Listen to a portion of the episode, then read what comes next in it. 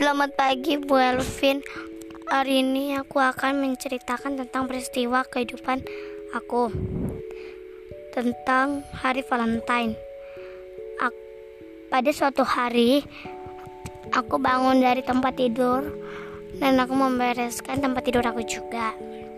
Dan aku lihat ke kalender Hari ini tanggal 14 Februari 2021 dan ternyata hari ini hari Valentine.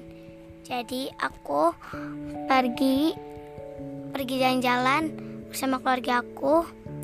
Dan aku pas pulang dari jalan-jalan aku membeli coklat dan merayakan hari Valentine. Dan aku pergi pergi ke rumah saudaraku untuk merayakan Valentine. Dan Imlek kami pun bahagia dan senang karena hari Valentine adalah hari hari kasih sayang dan hari hari coklat dan aku pun senang dan bisa berketemu bertemu saudaraku dan kita melakukan jalan-jalan bersama keluargaku.